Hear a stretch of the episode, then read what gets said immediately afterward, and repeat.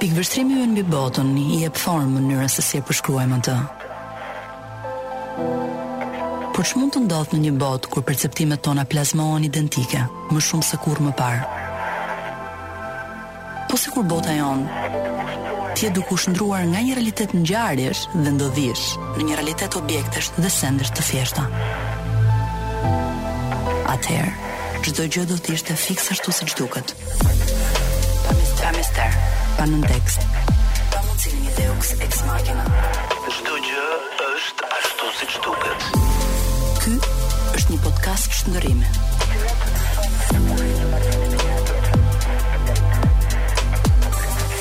Çdo gjë është ashtu siç duket. Mirëmbrëma, rikthehemi. Tani është pak e vështirë me thënë gjithmonë mirëmbrëma sepse unë vij nga një trashëgimi unë. Të gjithë ne vijmë nga një trashëgimi dimri e këtyre ditëve, por në fakt tani ka filluar zgjatur dita jashtë është relativisht diell, do thonim, pavarësisht se i zënë nga retë, kështu që nuk do themi më mirëmbrëma, mendoj unë. Ë, uh, mirë se vini sot, un kam Ilirin, ë uh, që do të quaj gjithmonë Iliri kolonialit. Ë uh, dhe ta një ta kanë ndrru emrin po. Iliri i Kolonialit më duket që është shumë bukur, ka një mhm. gjë shumë. Okej. Okay. Dhe Rean Nepravishtën, të cilën do gjejmë rastin ta prezantojmë pak më vonë kur të hyjmë në temë. Si fillim mirë se keni ardhur, unë pashë që gjatë kohës që uh, do po bënim këto adetet prezantimet e para pashë ju njifeshit se filluat duke çit-çat me njëri-tjetrin, kështu që doja t'ju pyesja së pari nga njifeni ju të dy. Flas unë, Rea? Vazhdo. Shiko, uh, un kam pas fatin ta njof Rean këtu e gati 8-9 vjet më përpara. Të dy ishim më të vegjël. Edhe Edhe ka qenë Koloniali natyrisht. Në Kolonial. Okej. Okay. Nuk kam njoftë asnjë njeri, nuk kam pas asnjë njeri para 10 vjetëve kur kam ardhur, kam qenë kështu ë uh, i vetëm, i vetmuar. Okej. Okay. Edhe një nga ato njerëz të pakët që unë kam njoftë ka qenë Rea. Un un mbaj mend atë koktejlin me lëng thane, që ishte thanë Tamam bio. Po, po, po. Edhe unë me vrap dua mm. lëngun e thanës, kupton që në fakt ishte koktejl. E vërtetë. Po ti si e kishe zbuluar këtë koktejl me lëng thane, kishe dëgjuar nga dikush apo e kishe për, domethënë si si re në gjurmët e këtij koktejli? Jo, un thjesht doja një koktejl të veçantë, edhe mm -hmm. sigurisht Iliri tha provo këtë dhe që aty pastaj unë nuk iu ndava më thanës. E, vazhdojmë ta bëjmë akoma. Ah, okay, mm. shumë mirë. Tani ti merresh me shumë punë, shumë gjë, kështu që nuk ke kohë, po ke kohë më pak domethënë. Jo, jo. Do vim, do vim. Jo, po për koktejle kemi kohë të gjithë, të lutem. Nuk okay. është, domethënë të gjithë me me shumë punë, me shumë zënë, me shumë gjëra. Jo, po- jo me jo më larg se ti pa, para dy ditësh ishte një gocë uh, që vinte nga nga Vermoshi, nga ku e marrim lëngun e thanës, dhe rastisht i them shiko, do të bëj një koktejl me lëng thane të Vermoshit. Po unë jam nga Domethënë e kisha pikasur dhe ti je bërë si këta që i ndjejnë gjërat e njerëzve eh, që i kanë në lokale eh, dhe fap përshtaten në bazë. Ama më beso, eh, puna më e rëndësishme e një bartenderi është të njohë mendjen edhe energjinë e njeriu që ka përballë. Zakonisht ti e di shumë mirë që njerëzit në koktel bare rrinë më shumë te banaku që të kenë atë feeling e bartenderit, që bartenderi t'i kuptojë të dëgjojë Edhe të krijojë për to. Dhe çka ke kuptuar ti për ne të thanës? Ë që jeni njerëz esencialë. Okay. Wow. Jo vërtet. Okej. Okay. Është shumë e rëndësishme. Esencial, domethënë që thana është një është një frut që njihet shumë pak në botë. Edhe shumë njerëz kur ti thua thanë në gjuhën e tyre, italianë për, kur i thotë kornioli nuk e din se ç'është kornioli. Kur ulen e shikojnë, thonë, "Shiko se ajo, ai që është një çik me zonat rurale thotë po e ka qen, se nga që nuk është frut, që ka shumë mish, edhe nuk nuk shitet në treg. Kur s'shitet në treg nuk njifet, domethënë. Ama ajo është esenciale sepse ekziston, është ka veti fantastike. Mm -hmm. Edhe po nuk njifet shumë. Pra, vetëm ata pak njerëz arrijnë t'ia dallojnë shijen edhe vlerat. Uh, si përfundim Ilir, çfarë na ke përgatitur sot? Çfarë është kjo që un mua dhe Rea sot do na dehit teksa flasim për për, nuk e themi. Mm. Tani ë uh, ky është një koktel që si një pjesë e madhe e kokteleve të mia, të, të recetave të mia, që krijohet nga një nga një ndjenjë e mirë që të ndodh në një moment të caktuar. Ë uh, tani mbase dikujt duket e ekzagjeruar, po një bartender është pak shumë pak a shumë si një artist që krijon. Mm -hmm. Ai duhet të lidhë shijet. Nëse një piktor duhet të lidhë ngjyrat, një poet duhet të lidhë fjalët, ë uh, një bartender duhet të lidhë shijet, që t'i përshtaten ambientit, edhe transmetojnë atë emocion që ai ndjen në atë moment. Ky është një koktel i krijuar në një lokal të Tiranës, ë uh, ku unë kisha të bëja, por nuk ishte koloniali. Mm -hmm. Edhe ishim mbledh bashkë me dy miqtë e mi, të dy arkitektë, shumë të njohur. Edhe Pasi që bëm muhabet u kënaqëm, na kapi çik, ai ishte orar i vonë diku 3-4 e mëngjesit. Na kapi çik ajo ndjenja patriotike e prejardhjes tonë. Mm, nga alkooli kupton. Normal nga alkooli. Edhe aty ë uh, tani një nga këto dy miqtë e mi, ëh, uh -huh. më kërkoi ti nuk e njeh. Jo fare. nuk e njeh. Më kërkoi që duhet të bëjmë një koktel me me me emrin e Malësisë së Madhe nga ku kemi origjinën tonë, kështu që Po nga cili vend e keni origjinën ju?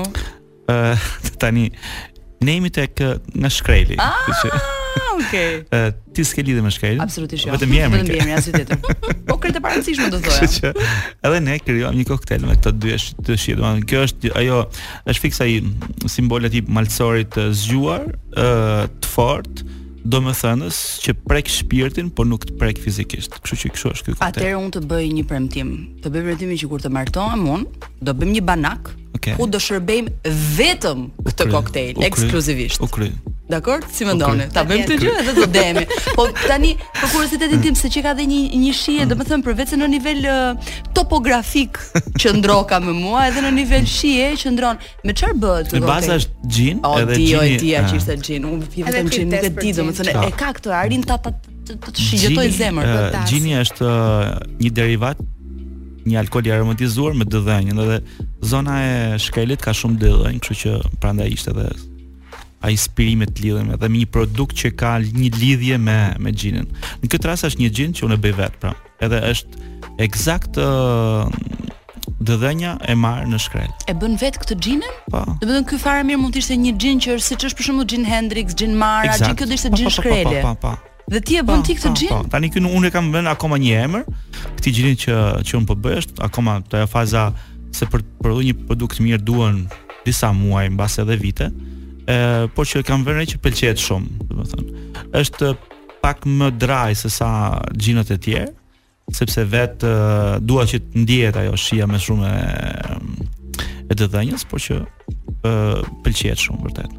Cili është procesi, Ilir, nëpërmjet të cilit domethënë ti e përfton këtë këtë pije? Alkooli, alkooli, ë uh, merret alkool i pastër, mm -hmm. 90 gradë. Uh, sa më i pastër është më cilësor do dalë xhini, aromatizohet me me dëllënjë, edhe me aroma të tjera, sipas dëshirës së krijuesit Unë kam një recetë timen me një 10 herbs, përveç se ë dëllënjës, pastaj kjo distilohet.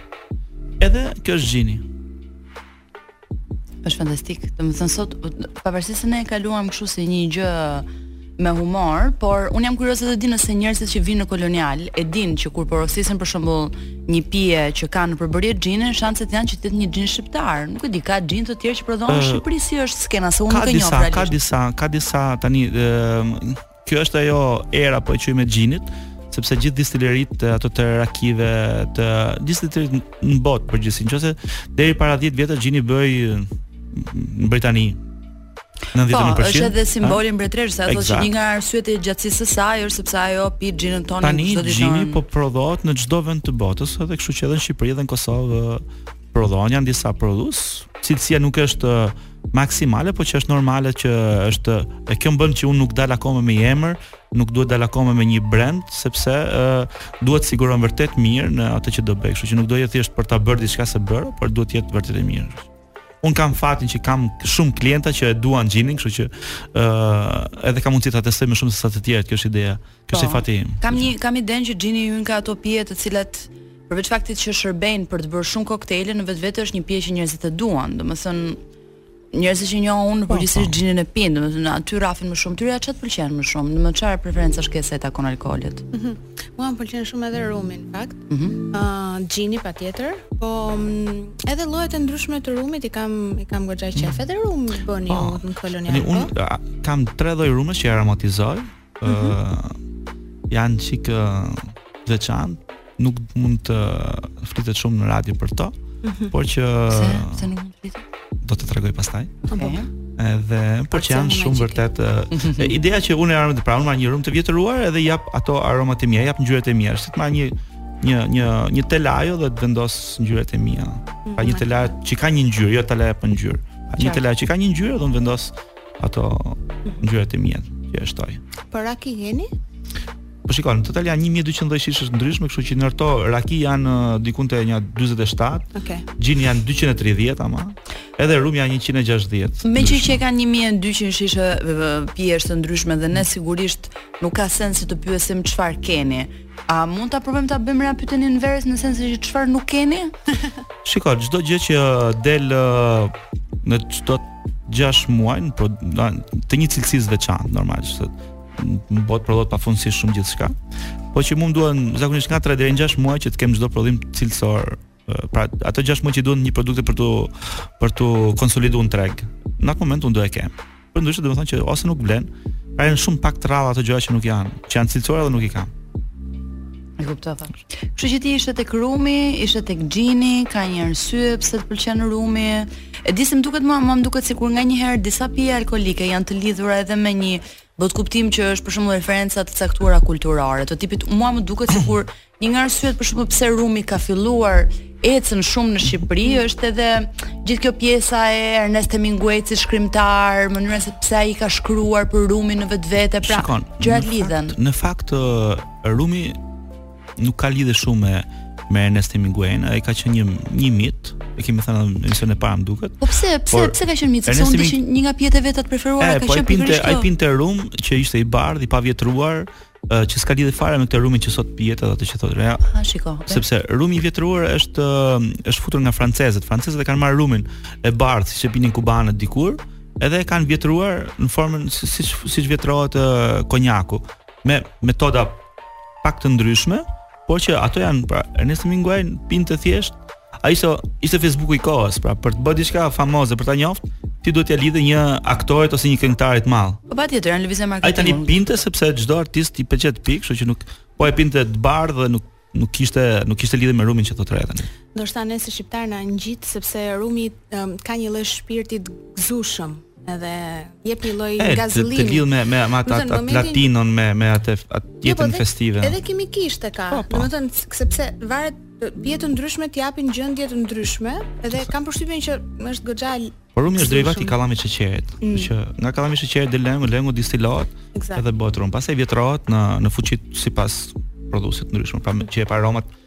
secili mhm. sipas dëshirës së vet dhe vjetër vjetërsi është shumë e rëndësishme pastaj. Mhm. Por në këtë ne hyjmë nganjëherë edhe tek ajo bota siç tha Ana, që lidhet me me shkrimtarë të njohur, por lidhet me botën latine, me Kubën, me atë ekzotizmin e këtyre. Po pra, ka një dimension, po themi ka një përmasë shumë seksi, për shembull edhe atëra ai filmi e mbaj mend shumë mirë që u bë me Johnny Depp dhe Amber përpara se ata të shqyheshin me njëri-tjetrin në çështje gjyqësore, domethënë quhej The Rum Diaries, me sa mbaj mend, ishte një film shumë seksi, që ndërtohej në një farë mënyre rreth uh, rumit si pije alkoolike. Domethënë ka lloj-lloj mënyrash, po do thoja që nga të gjitha pijet alkoolike, mua më duket sikur, domethënë vera 1 dhe rumi 2 janë marketuar në mënyrën më sensuale të mundshme. Shiko, edhe edhe vodka, ë uh, ne dimë që uh, kur del filmi i radhës i 007-s me James Bondin është gjithmonë uh, dikur ishte xhini sepse ai kërkonte një një Martini edhe Martini është një 99.9% xhin. Si ishte shaken not stirred. Eksakt. Uh, tani vodka, se është çështje marketingu pastaj vodka uh, e mori pra lobingu i vodkës e kaloi bëni një vodka Martini, kështu që. Ë, uh, atëherë ne do ta bëjmë kështu që radhës që vjen kur të dalim bashkë të pimë, do të kemi kolonial Ilir unë të falenderoj shumë që ishe sot me ne dhe bëre gjithë këtë histori të bukur. Ë, nga sa di nga njerëz që dëgjojnë podcastin, më kanë thënë që ky gjysmorëshi i parë është gjithmonë uh, mos me thënë pjesa më interesante e podcastit, po. Jam i lumtur. Ne do na duhet ta mundim këtë konceptim sot. mos kemi reaksion. Dhe të jetë më interesante se sa gjysmorëshi Ilir. Faleminderit shumë. Ishte kënaqësi. Të lutem, rrofsh. Ilirin e përcollëm. Uh, tani jam unë dhe Rea Nepravishta, e cila është feministe, aktiviste, uh, momentalisht punon për fondin botëror të natyrës WWF, dhe unë e kam ftuar sot për një temë që deri tani jua mbajta undisclosed, po themi, uh, që është feminizmi, por mbi të gjitha feminizmi i keqkuptuar, sepse um, unë si grua, si grua, kam ndjerë gjithmonë që në Shqipëri në një farë mënyre ka një lloj keqkuptimi për feminizmin, për feministet, për atë që feminizmi përfaqëson, pra uh, në një farë mënyre është një temë e cila padyshim kërkon diskutim. Unë do lexoj uh, diçka një material shumë të shkurtër përpara se të ta lë fjalën ty Rea dhe të flasim për këtë temë. Ëm dhe ky material është shërben në një farë mënyre si një starting point. Pra, në sensin ne ëm themi diçka dhe pastaj ngremë diskutimin mbi të. Ë, nëse ti mendon që ajo që unë kam shkruar nuk qëndron, je e lirë të lutem të ma shkatërrosh komplet në program sepse kjo është, domethënë gjithë thelbi është që ky është një podcast shndërrimi literalisht, pra pranoj çdo gjë. Okay. Feminizmi është një qasje ndërdisiplinore ndaj çështjeve të barazisë Ngritur mbi gjininë, shprehjen gjinore, identitetin seksual, seksin, seksualitetin, siç kuptohet përmes teorive sociale dhe aktivizmit politik. Historikisht feminizmi ka evoluar nga shqyrtimi kritik i pabarazisë ndërmjet gjinive në një fokus më të larmishëm, sa i takon konstrukteve shoqërore dhe performuese të gjinisë dhe seksualitetit. Teoria feministe tani synon të ngrejë çështje të pabarazisë duke ndërthurur përgjatë diskursit çështje të aftësimit, klasës, gjinisë, racës, seksit dhe seksualitetit. Sfera këto që feministët kërkojnë të ndikojnë duke i parë si fusha ku pushteti arrin të krijojë pikërisht pabarazinë. Diskutimi intelektual dhe akademik i këtyre pabarazive u mundëson të rinjve ta përballojnë jetën të vetëdijshëm për padrejtësitë dhe të punojnë drejt ndryshimit të dinamikave shoqërore të pashëndetshme. Ndër manifestimet kryesore të aktivistëve politikë feministë përmenden të drejtat riprodhuese, dhuna në familje, drejtësia, drejtësia sociale dhe çështjet e kodit të punës, si leja mjekësore familjare, paga e barabartë, ngacmimi apo diskriminimi seksual. Në vështrimin klasik feminizmi mund të ndahet në katër valë kryesore, nga shekulli 19 deri në shekullin 21 që jemi tani. Vala e parë e feminizmit sigurisht lidhet uh, me të drejtën e votës, duke huazuar nga shkrimet e Mary Wollstonecraft sufrazhetët e shekullit të nëntëmbëdhjetë e me radhë. Valë e dytë e feminizmit përkufizohet nga shprehja personale është politike, pra the personal is the political, um, dhe ngrihet mbi uh, të drejtat civile, por vazhdon të mbetet një hendek shumë i pabarabartë ndërmjet atyre që janë gratë e bardha dhe gratë me ngjyrë dhe pjesa tjetër e grupeve të cilat janë të margjinalizuara dhe diskriminuara. Kemi një valë të tretë feminizmi që është është ajo që nis në vitet nëntëdhjetë dhe u përpoq të korrigjonte një pjesë të racizmit dhe klasizmit të qenësishëm në lëvizjet dhe aktivizmin e mëparshëm ë uh, feminist dhe tani jemi në valën tani për momentin jemi në valën e katërt të feminizmit. Ëm um, që është ende duke u përcaktuar. Ai vazhdon përpjekjet e feminizmit të valës së tretë kundër margjinalizimit racial, gjinor dhe seksual. Ai gjithashtu vë një theks të madh në përfshirjen e grave trans, në përpjekjet e feminizmit duke luftuar për të drejtën e njerëzve për të përcaktuar gjininë e tyre së bashku me qëllimin historik të barazisë gjinore. Krahas këtyre thirrjeve, më gjithëpërf më gjithëpërfshirëse dhe ndërsektoriale për drejtësi sociale, feminizmi i valës së katërt lindi dhe lëvizjen Me Too. Rea Nepravishta, a je ti një feministe? Ti më prezantove si feministe, po unë do thoja jo, nuk jam feministe. O Zot, ja që këtë moment mbaroi emisioni, okej. Okay. Okej. Okay. Kjo është shaka sigurisht. Uh, them që nuk jam feministe sepse të të qenit feministe është një proces uh, i cili uh, mbaron në fund të jetës, në kuptimin që ne nuk rreshtim kurrë së bëri fe, së, së u bëri feminist. ë uh, uh, unë kam qenë më pak feministe para një viti, jam më shumë feministe sot dhe me siguri do jem Akoma më shumë jam jam më pak feministe sot se sa ç'do jem ë uh, sa ç'do jem vitin që vjen.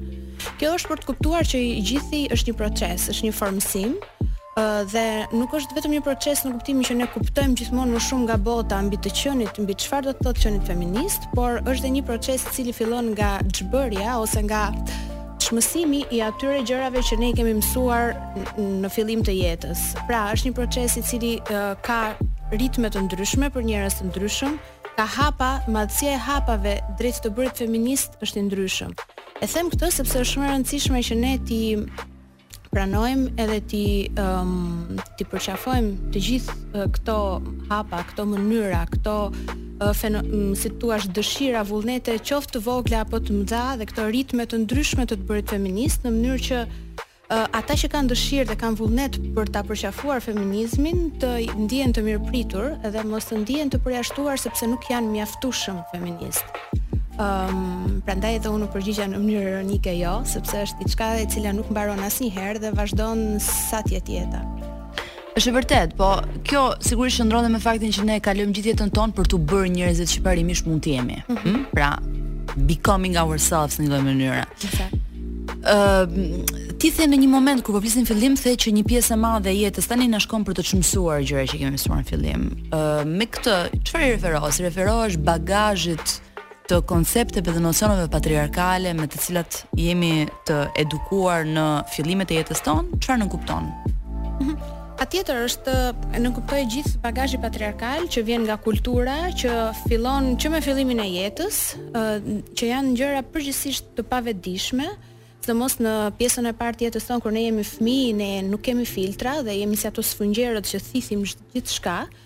Ëm um, sigurisht edhe prindërit tanë në mënyrë krejt pavetëdijshme na i kanë përçuar uh, këto këto koncepte, nuk është se kanë qenë vetëdijshëm, edhe ndaj uh, janë gjëra të cilat ne deri diku na janë dukur edhe të natyrshme, Vetëm kur vjen një moment uh, kur kemi një lloj dushi të ftohtë mbi çfarë është feminizmi dhe prit se kjo jetojmë në një kulturë kryekëput patriarkale, ai është momenti i parë kur ne fillojmë dhe marrim kthesën dhe shkojmë drejt një një jete që shkon më shumë drejt një këndvështrimi uh, feminist. Kështu që po, janë të pafundme gjërat me për të cilat ne mund të quhemi uh, që jemi patriarkal, jemi të mbytur nga kultura patriarkale në çdo qelizë, edhe ne vetë që quajmë veten feministe, shumë herë rrëshkasim edhe shumë herë gjërat nuk i kemi kuptuar aq sa duhet.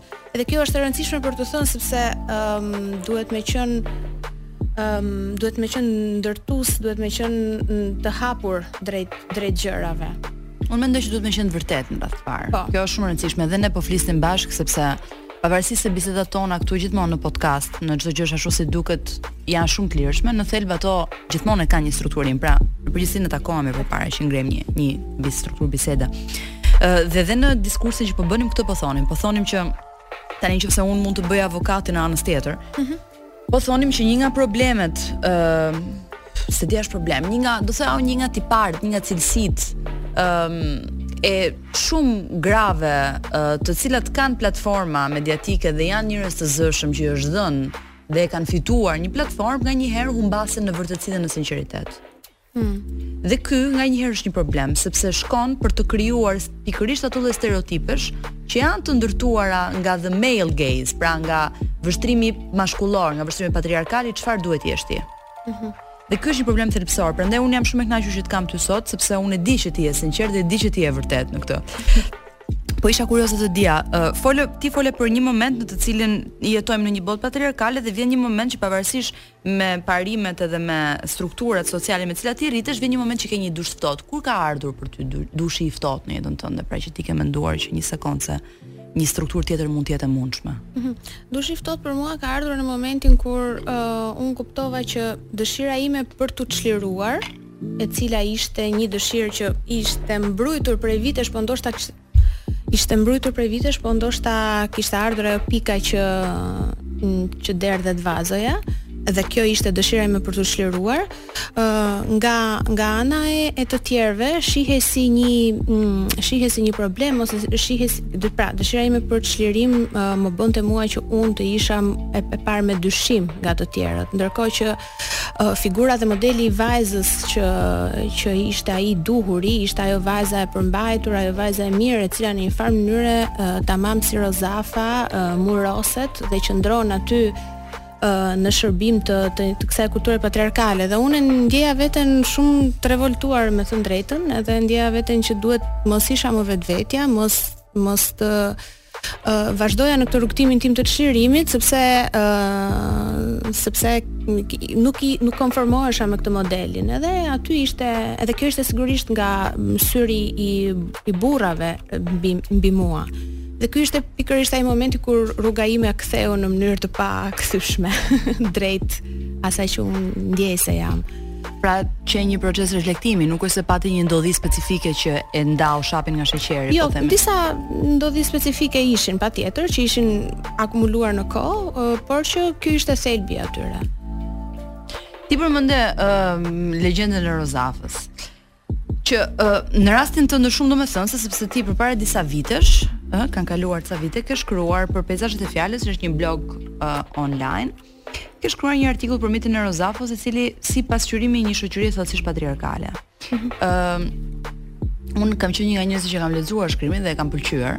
Dhe mirëpo mbaj mend që kur doli shkrimi pati një ëm um, reagim, po themi revoltues, Sepse njerëzit u ndjenë të prekur në atë që janë elemente identitare kombformuese. Kur ndërkohë ato janë për t'u parë në mënyrë më të gjerë, sepse në thelb ajo është, the, domethënë është një murosje që ne e gjejmë në të gjithë trevën e Ballkanit, edhe rimerr nga mitet e sakrifikimit e me radhë. Megjithatë më ka bërë përshtypje reagimi negativ ndaj kësaj, pra që dëshmon një lloj frike që njerëzit kanë. Ëm, um, Në këtë legjendën e Rozafës ti e vije në diskutim të gjithë historinë. Si e mhm. shikon ti mhm. lidhjen e mitit me atë që është përcjellje e ideve patriarkale në shoqëri? Mhm.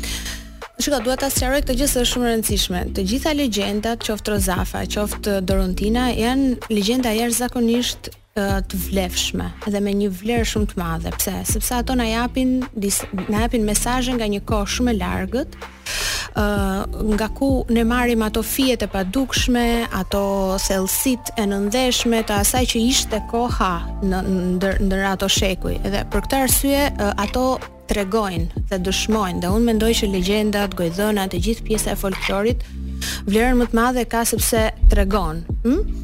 Dhe në fakt në këtë në këtë pikë unë nuk nuk i kam zhvlerësuar ose nuk jam marrë në këtë këndvështrim me me këto legjenda, përkundrazi ato janë akoma më të vlefshme sa më afër të vërtetës të jenë dhe po t'i shohësh gojdhënat tona, legjendat tona janë shumë afër të vërtetës sepse tregojnë faktikisht shoqërinë ashtu siç ka qenë atëherë. Po, janë një pasqyrë. Kështu që e thënë kjo, ë uh, ajo që mënyra se si unë e kam përdorur uh, Rozafën në atë rast ishte për një qëllim, ishte për një qëllim të caktuar që kishte të bënte me aktivizmin, që do të thotë, ë um, nëse unë them që një grua ë uh, nuk duhet të sakrifikohet për familjen dhe të mbetet vetëm në rolin e nënës, është një fjali e thjeshtë e cila kalon edhe pa ndonjë vëmendje të madhe, unë si aktiviste. Ë Nëse unë them që një grua nuk duhet të muroset si Rozafa dhe të lërë gjirin jashtë për t'i dhënë fëmijës qumësht, kjo, duke qenë një simbolikë shumë e fuqishme dhe që i prek njerëzit në mënyrë të në, edhe në të pandërgjegjshmen e tyre sepse simbolika është ka shumë potencë,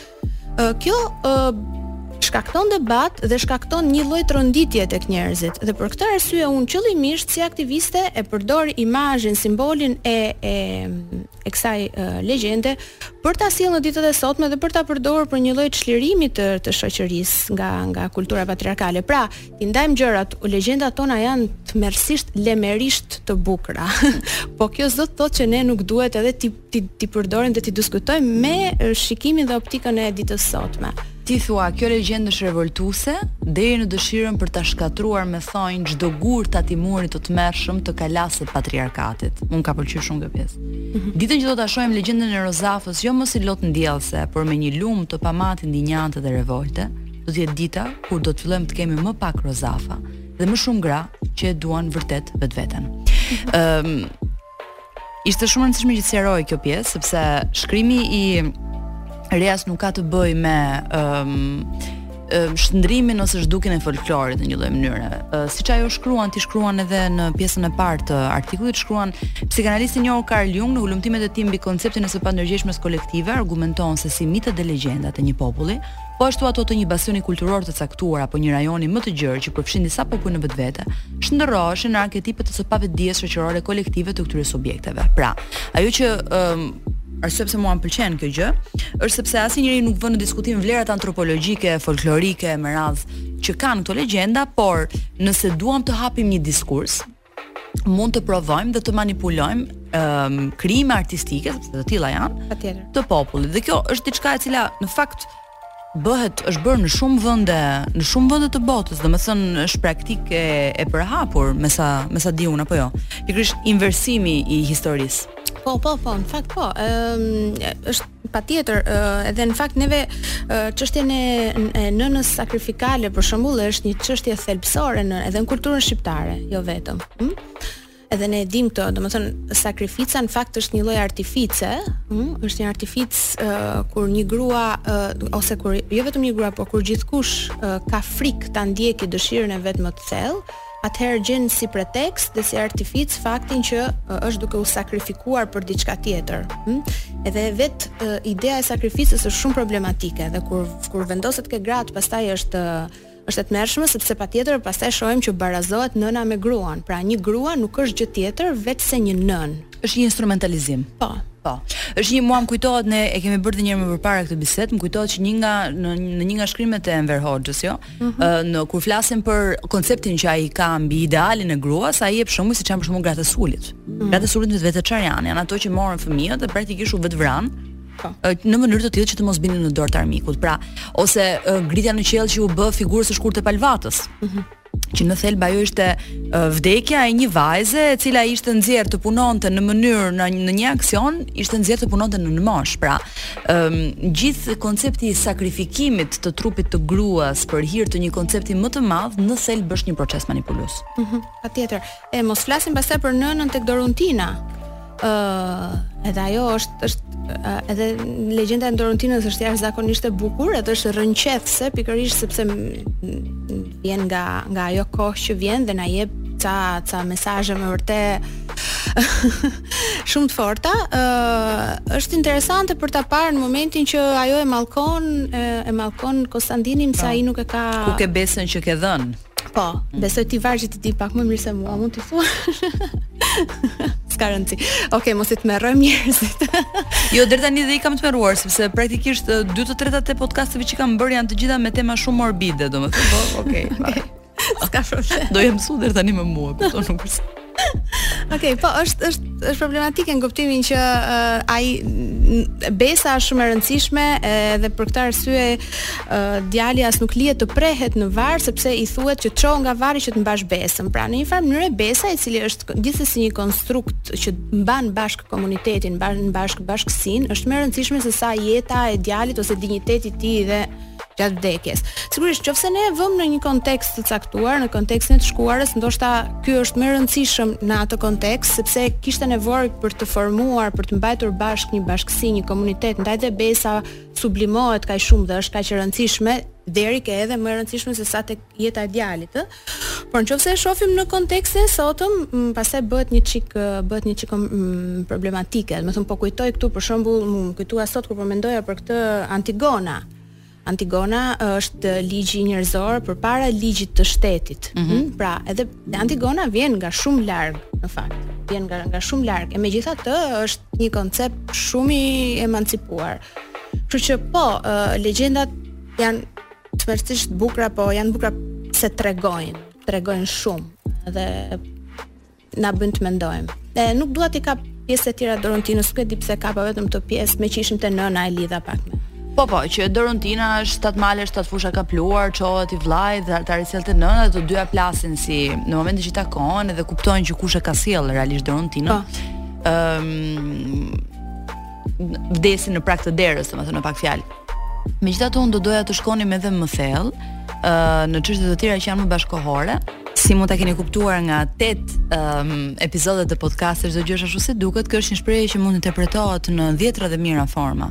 ë um, qoftë ironikisht, qoftë në mënyrë më transparente, po themi, një nga mënyrat se si ne duam ta interpretojmë sot në këtë podcast është që ne jemi shumë të vërtetë. këtë që po bëjmë. Pra, realisht çdo gjë është ashtu si duket.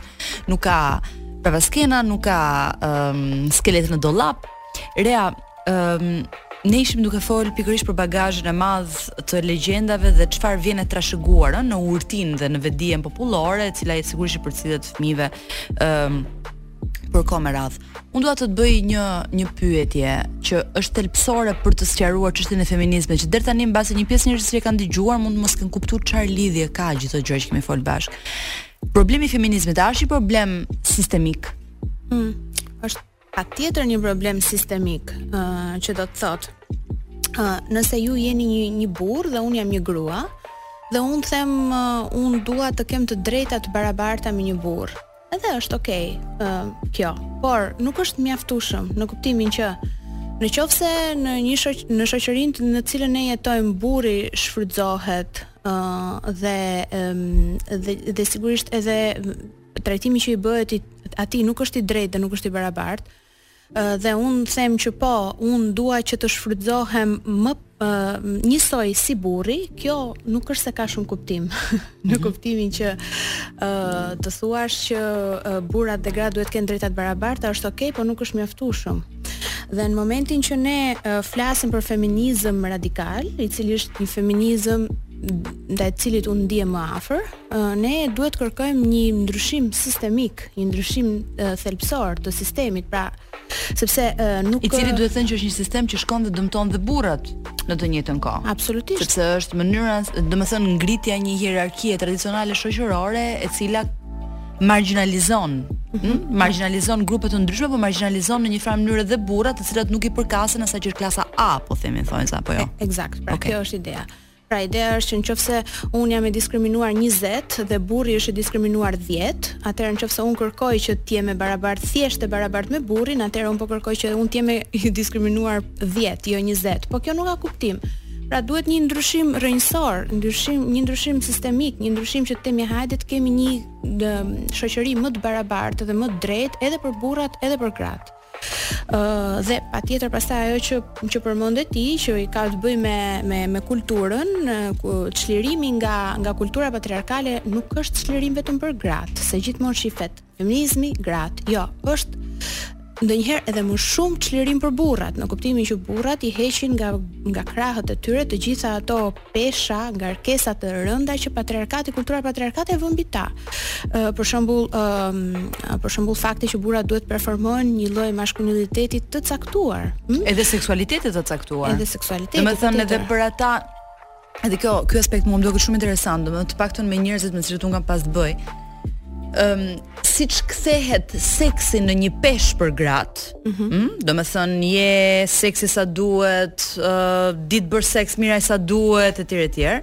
Në të njëjtën mënyrë kthehet edhe për burrat. Domethënë që ti duhet të jesh mega hamshori i situatës dhe nëse nuk je mega hamshori i situatës, ti nuk e di, nuk je burrë sa duhet. Nuk vlen. Mua më duket po. sikur kjo është në një farë mënyrë pjesë e të njëjtës kulturë, që në thelb është një kulturë realisht toksike patriarkale. Eksakt. Eksakt, kështu është. Kështu që lufta është e përbashkët, nuk është vetëm e grave, është luftë e përbashkët. Sigurisht feminizmi ëm um, frymëzon, uh, frymëzon sepse është gjysma e botës që uh, që ka që ka këtë ndërthuret sigurisht me luftra të tjera që kanë të bëjnë me minoritetet e tjera e tjera për më shumë barazi, Por në thelb kërkon për mua feminizmi i drejtë është kërkon një ndryshim sistemik, edhe sigurisht në në kushtet ku ne jemi, ku uh, sistemi kapitalist pikëpritet me kulturën patriarkale, kështu që Po, uh, sepse janë të ngritura, janë, domethënë sistemi kapitalist është ngritur mbi atë, mbi atë kulturë. Ëm, mm -hmm. Megjithatë unë dua të kaloj pikërisht që këtu në një uh, filone, do quhej italisht, pra në mhm. një, në një uli mm -hmm. po e them në shqip tjetër, që po ka lidhje me këtë. Uh, një nga debatet më të mëdha që bëhet është uh, një problem sa i takon uh, përfaqësimit, në sensin që uh, nëse bëhet një aktivitet publik, nga ai që është pushteti, që nuk ka rëndësi cila parti e ka pushtetin, pra ky diskurs nuk është një diskurs partiak, po flasim për establishmentin, pra për pushtetin. në momentin që bëhet një aktivitet publik nga pushteti dhe uh, pushteti vendos të hapet në masën e vet, sigurisht, sa që vendos vet, ndaj um, feminizmit, mm -hmm. i cili, siç e thamë, kërkon një ndryshim sistemik.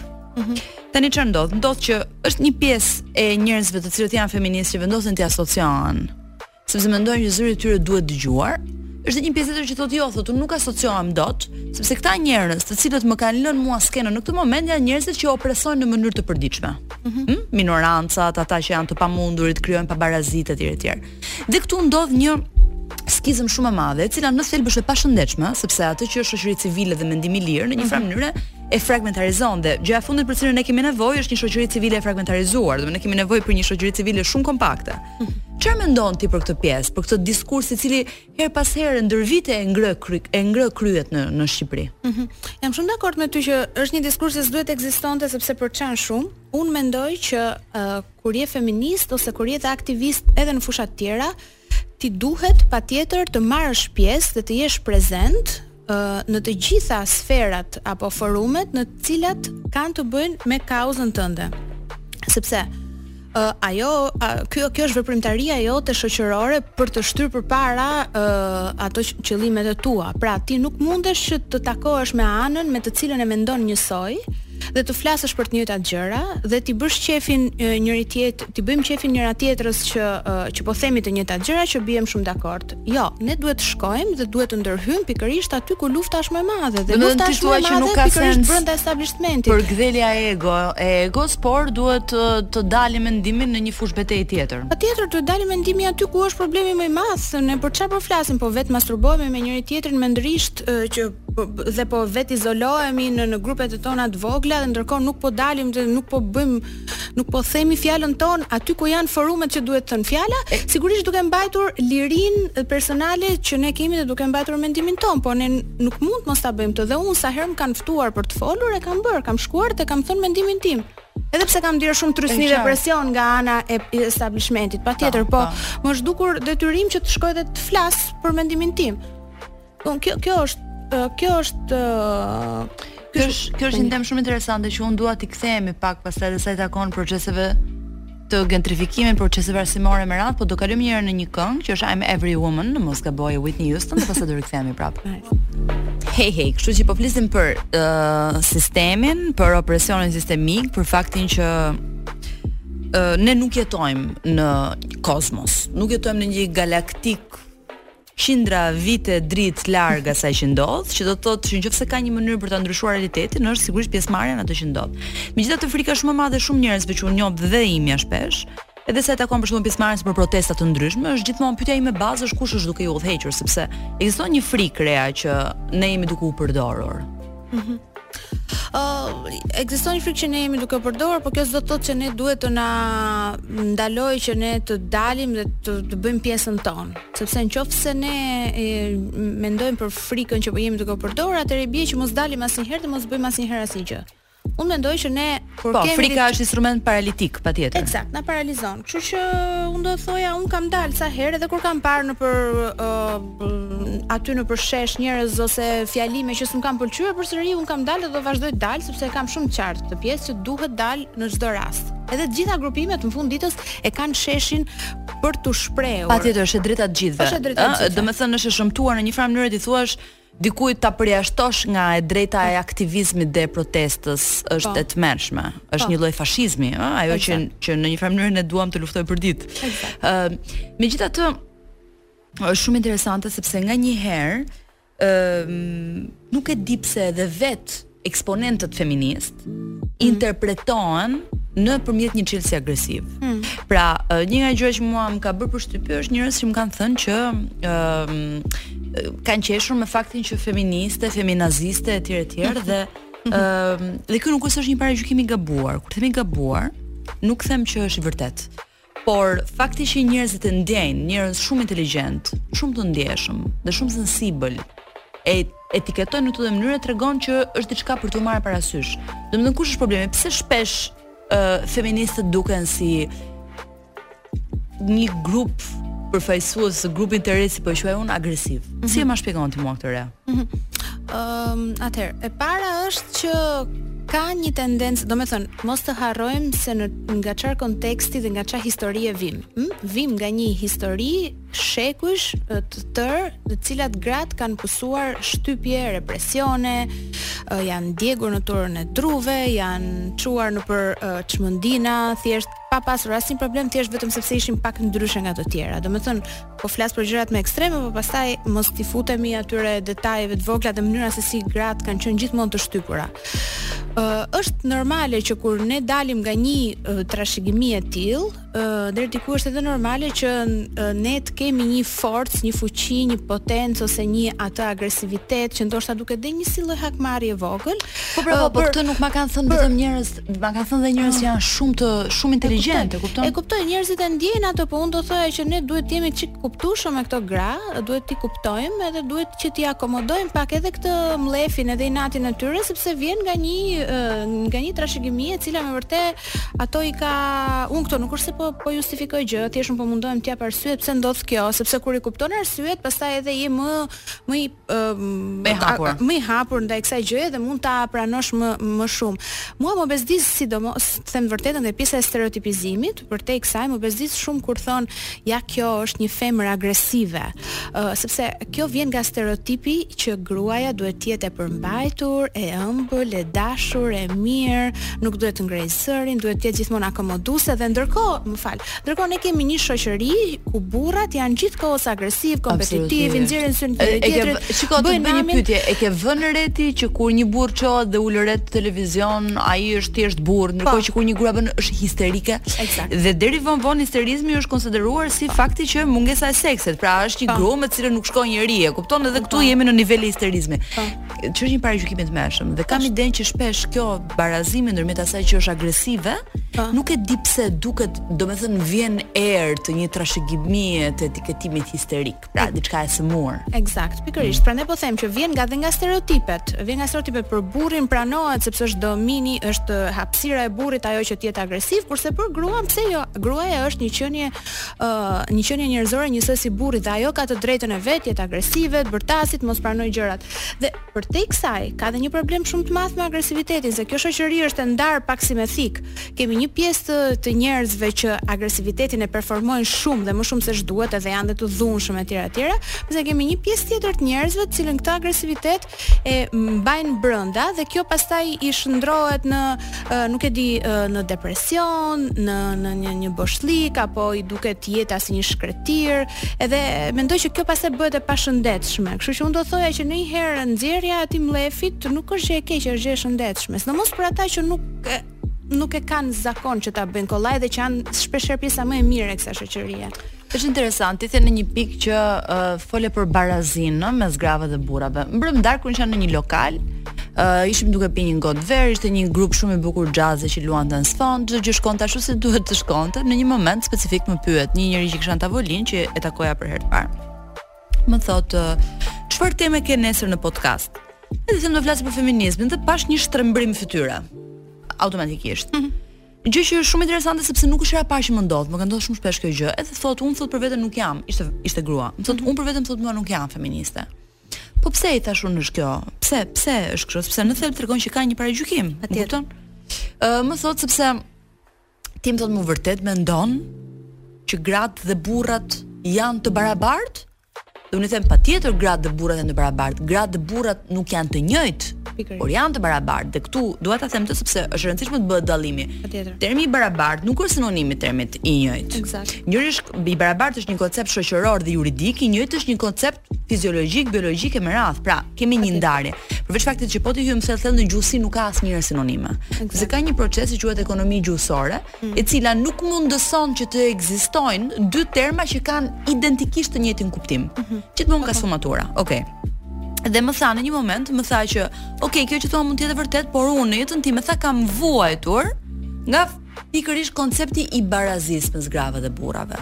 Tani çfarë ndodh? Ne jemi përpara këtij fakti. Ok, një feministe, një aktiviste feministe, është përpara këtij fakti.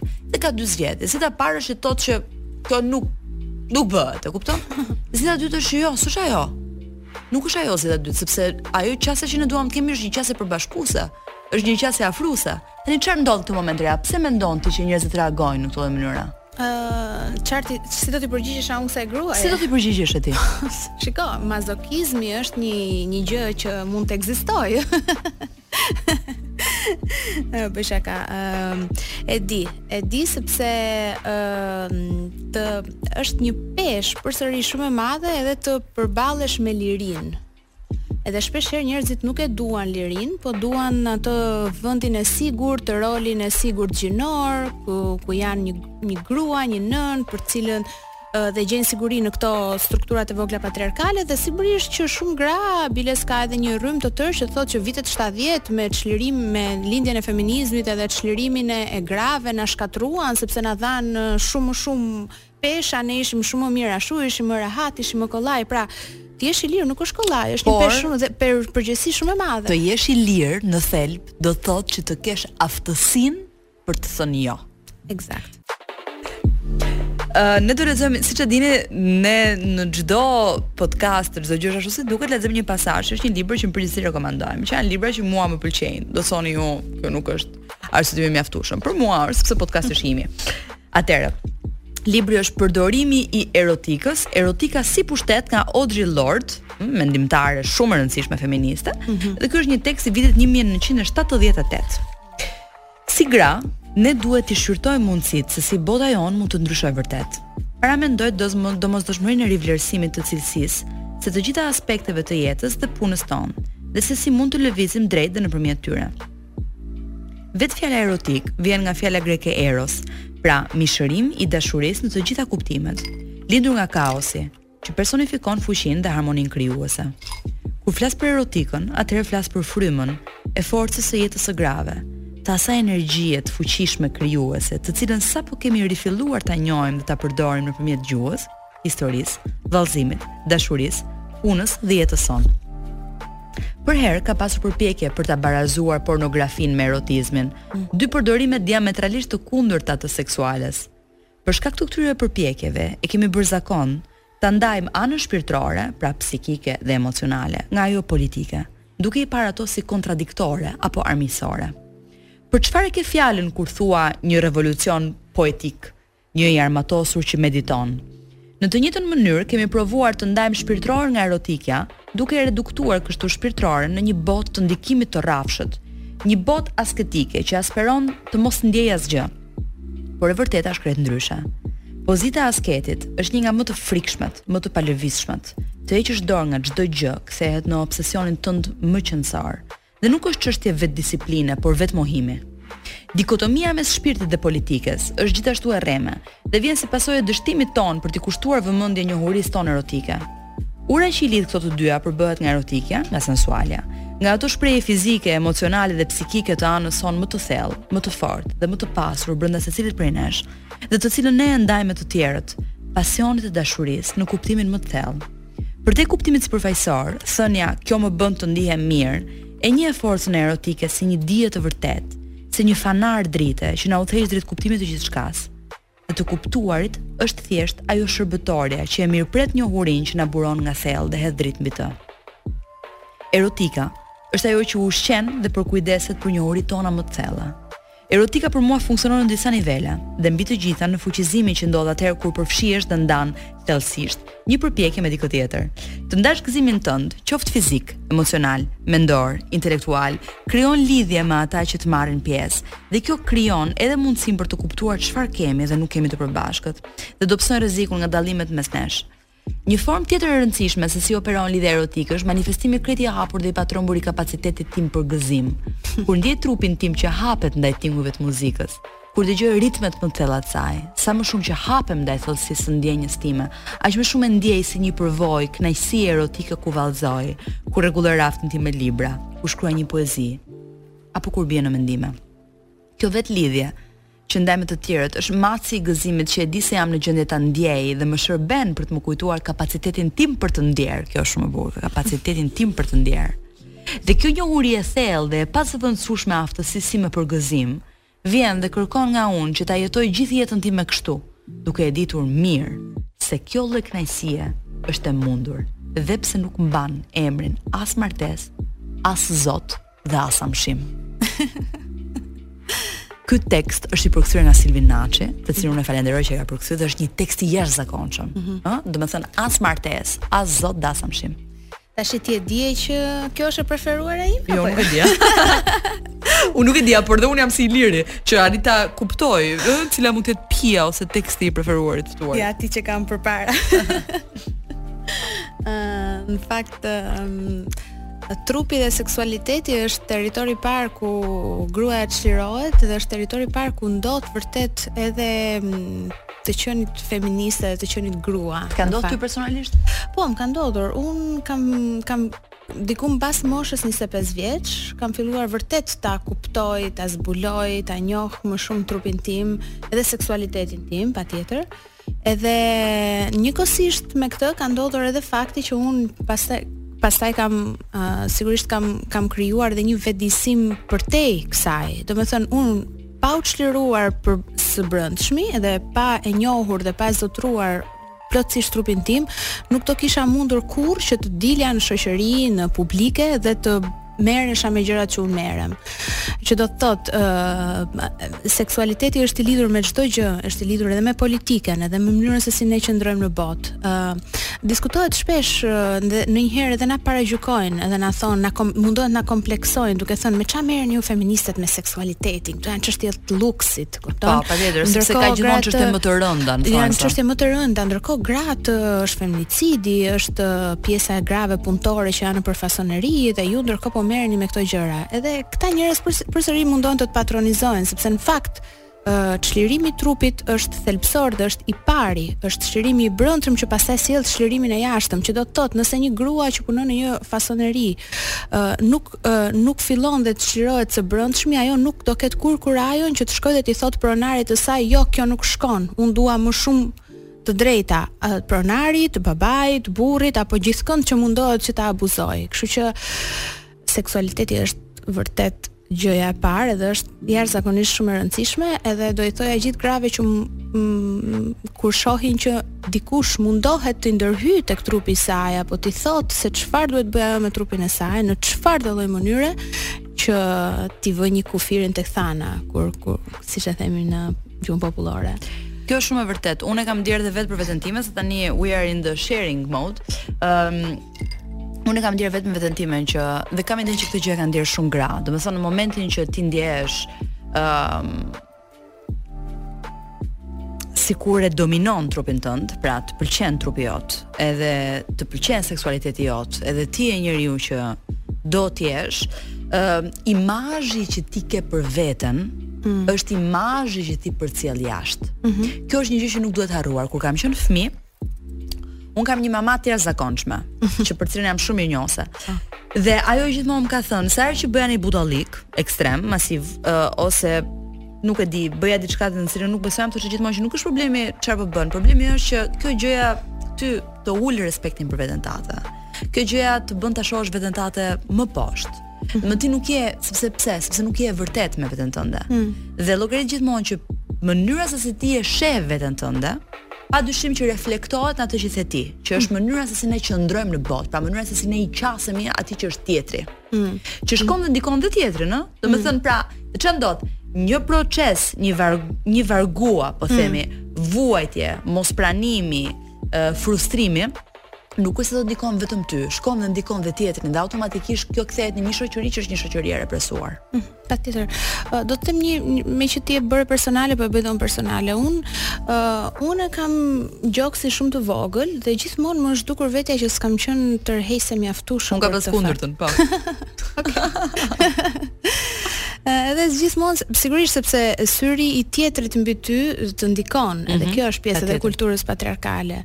Edhe në fakt kam një kur më pyesin shpesh çfarë mendon për gocat që që e bëjnë gjoksin, që bëjnë botox, që fryen andej këtej. Të them të vërtetën un kam një lloj empatie me to sepse e ndjej që ëm um, e ndjej që uh, ato kanë një presion nga jashtë dhe detyrohen ta bëjnë këtë gjë, ëh, edhe nuk do t'i gjykoj asnjëherë pavarësisht pastaj analizës shoqërore që ne mund të bëjmë pse ndodh kjo objektifikimi seksual i gruas etj etj apo i qartë është në nivel teorik nuk është në nivel ndjesor eksakt në nivel ndjesor un un ndjej empati sepse kuptoj se çfarë se çfarë ato ndjejnë qoftë edhe për për për, për të kundërtën por ajo që un do doja t'i thoja gjitha këtyre vajzave që nuk ndihen të përshtatshme me trupin e tyre është që kur njeriu bie vërtet në dashuri në fakt dashurohet me ato defektet e trupit të tjetrit Edhe kjo është diçka që vërtet ndodh dhe personat që njerëzit që e kanë provuar këtë përvojë e dinë se çfarë po them. Kështu që ëm um, është është okay të ndihemi të papërshtatshëm, po të kemi parasysh që ëm um,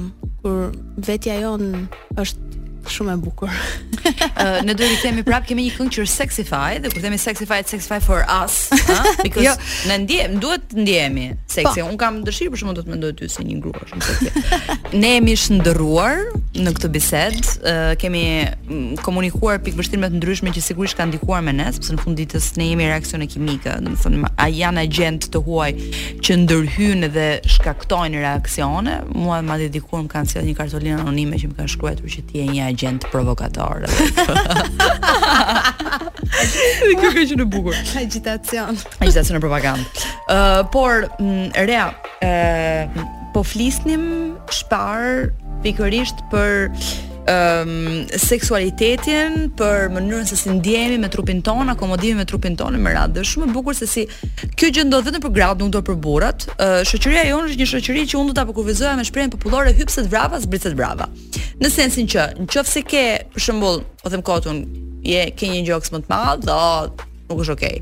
Nëse ke një gjoks shumë të vogël, o, pra, prapë kjo nuk është okay. Parametri që jepet unë mbaj mend që më kanë thënë gjithmonë, kam qenë gjimnaziste atëherë dhe këto janë gjëra që fillojnë dhe ndikojnë në në identitetin dhe në karakterin tënd që uh, gjoks ideal është ai që hyn në një kupë shampanje.